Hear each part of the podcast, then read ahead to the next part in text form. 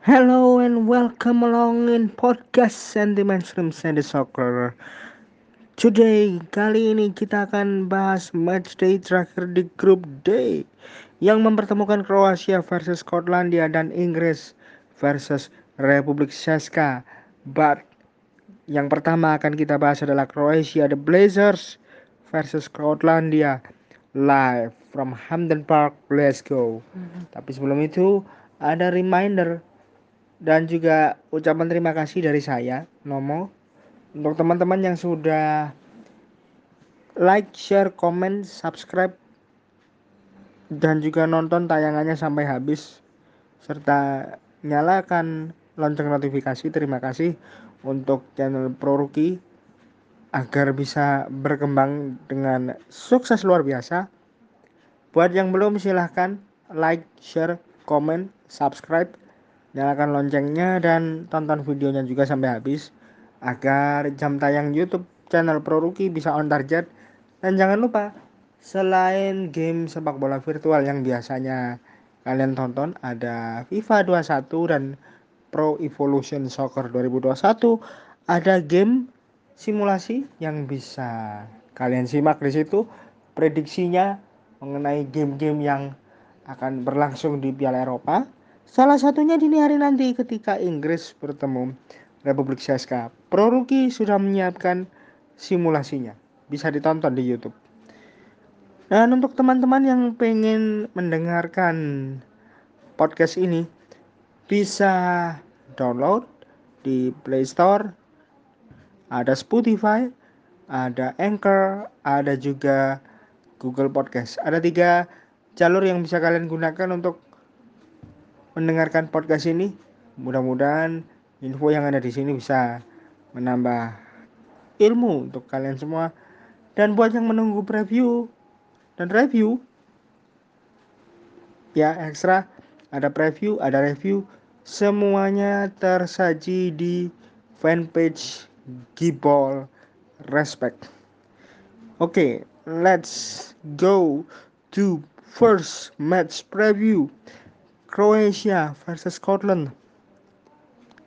Match day ketiga grup D Piala Eropa 2020. Statistiknya game ke-14 bagi kedua negara di semua ajang ini masih dimenangkan secara mutlak oleh Skotlandia dengan koleksi 4 kemenangan. 8 kali seri dan sekali kalah. Di mana pada pertemuan terakhirnya Skotlandia menang atas Kroasia dengan skor 2-0 di laga kualifikasi Piala Dunia 2014 yang digelar Oktober 2013 lewat masing-masing gol dicetak oleh Robert Snodgrass dan Stephen A. Smith. Laga antara Kroasia dan Skotlandia kali ini merupakan pertemuan ketiga antara kedua negara termasuk saat masih bernama Yugoslavia di turnamen akbar di mana keduanya sama-sama meraih dua hasil seri di dua pertemuan sebelumnya. Skor 3-1 merupakan skor kemenangan terbesar sekaligus satu-satunya kemenangan Kroasia atas Skotlandia di semua ajang yang terjadi di laga kualifikasi Piala Dunia 1990 pada September 1989.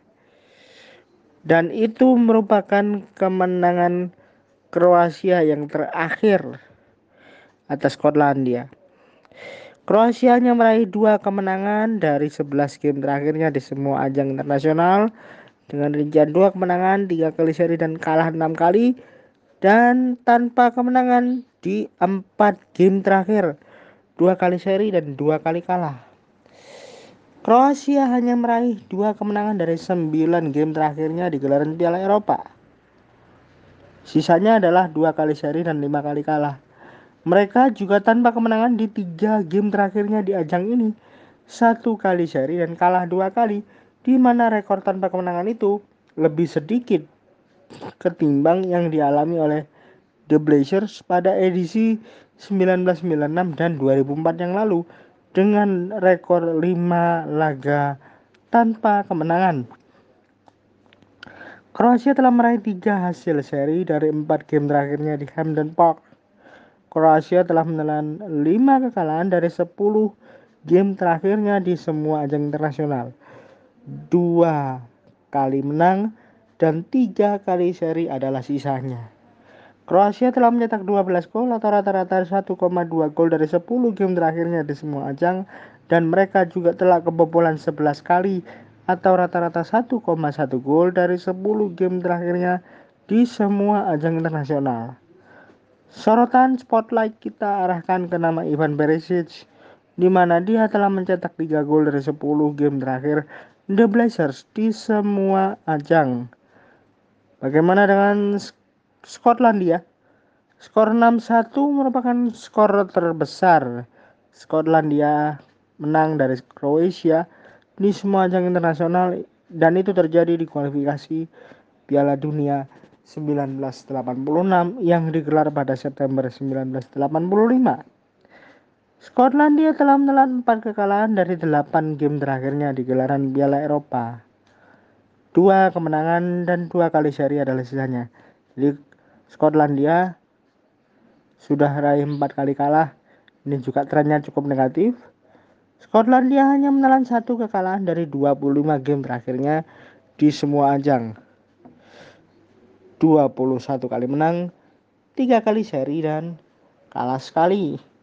Skotlandia telah meraih 135 kemenangan dari 259 laga terakhirnya yang dimainkan di Hampden Park 135 kali menang, 63 kali seri dan 61 kali kalah dengan tidak terkalahkan di 6 game terbaru atau 6 game terakhir. 4 kali menang dan 2 kali seri. Skotlandia hanya menelan satu kekalahan dari 9 game terakhirnya yang dimainkan di Hampden Park dan mereka sayangnya hanya meraih dua kemenangan dari 10 game terakhir di semua ajang internasional. Dan Skotlandia berpeluang untuk menghindari kegagalan dalam mencetak gol di tiga game beruntunnya di babak fase grup pasca terakhir kali mengukir rekor serupa antara rentang waktu November 2003 hingga Oktober 2004. Saat The Tartan Army takluk dari Belanda di playoff Euro 2004 dan menelan kekalahan di dua laga kualifikasi Piala Dunia 2006. Skotlandia telah mencetak 11 gol atau rata-rata 1,1 di 10 game terakhirnya dan kebobolan 10 gol atau rata-rata 1 gol dalam jumlah game yang sama 10 kali. Ada nama John McGinn telah mencetak 3 gol dari 10 laga terakhir The Tartan Army di semua ajang internasional.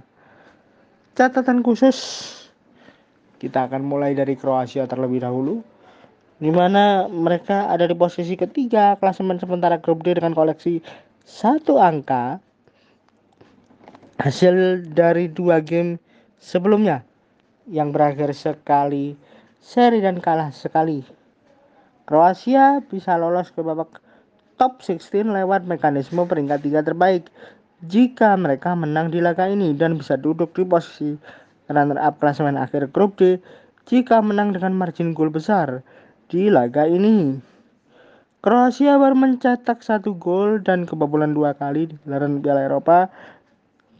Secara overall, ketika bertemu Skotlandia, Kroasia sudah mencetak 19 gol atau rata-rata 1,4 gol dalam 14 pertemuan terakhir melawan Skotlandia. Dalam rentang waktu yang sama pula, mereka sudah kebobolan 20 kali atau rata-rata 1,5 gol dari 14 laga terakhirnya melawan Skotlandia di semua ajang. Ivan Perisic Ivan Perisic telah mencetak 8 gol di sepanjang penampilannya di turnamen akbar dan dirinya pun menjadi pemain pertama Kroasia yang mencetak gol dalam 4 edisi berbeda di turnamen akbar. Hanya seorang Davor Suker yang bisa mencetak lebih banyak gol lagi bagi Kroasia di turnamen akbar dengan koleksi 9 gol. Masih menyoroti nama Ivan Perisic.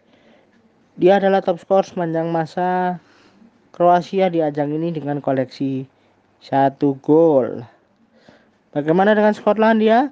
Skotlandia duduk di dasar klasmen grup D dengan koleksi sama satu poin hasil dari satu kali seri dan satu kali kalah.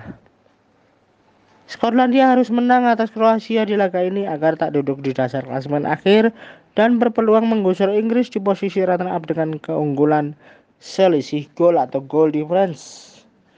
Skotlandia telah kebobolan dua kali dan belum mencetak satu gol pun di gelaran Piala Eropa kali ini. Dan mereka kalau bertemu Kroasia catatan golnya adalah 20 kali mereka cetak gol atau rata-rata 1,5 dari 14 game terakhir melawan Kroasia.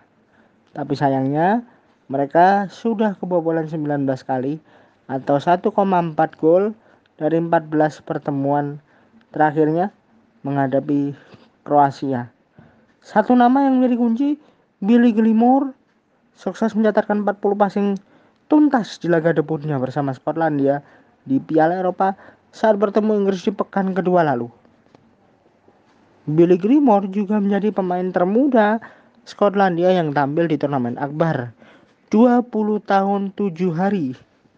Ini mematahkan rekor sebelumnya yang dimiliki oleh Paul McStay di laga melawan Uruguay pada Piala Dunia 1986 lalu dengan usia 21 tahun 234 hari.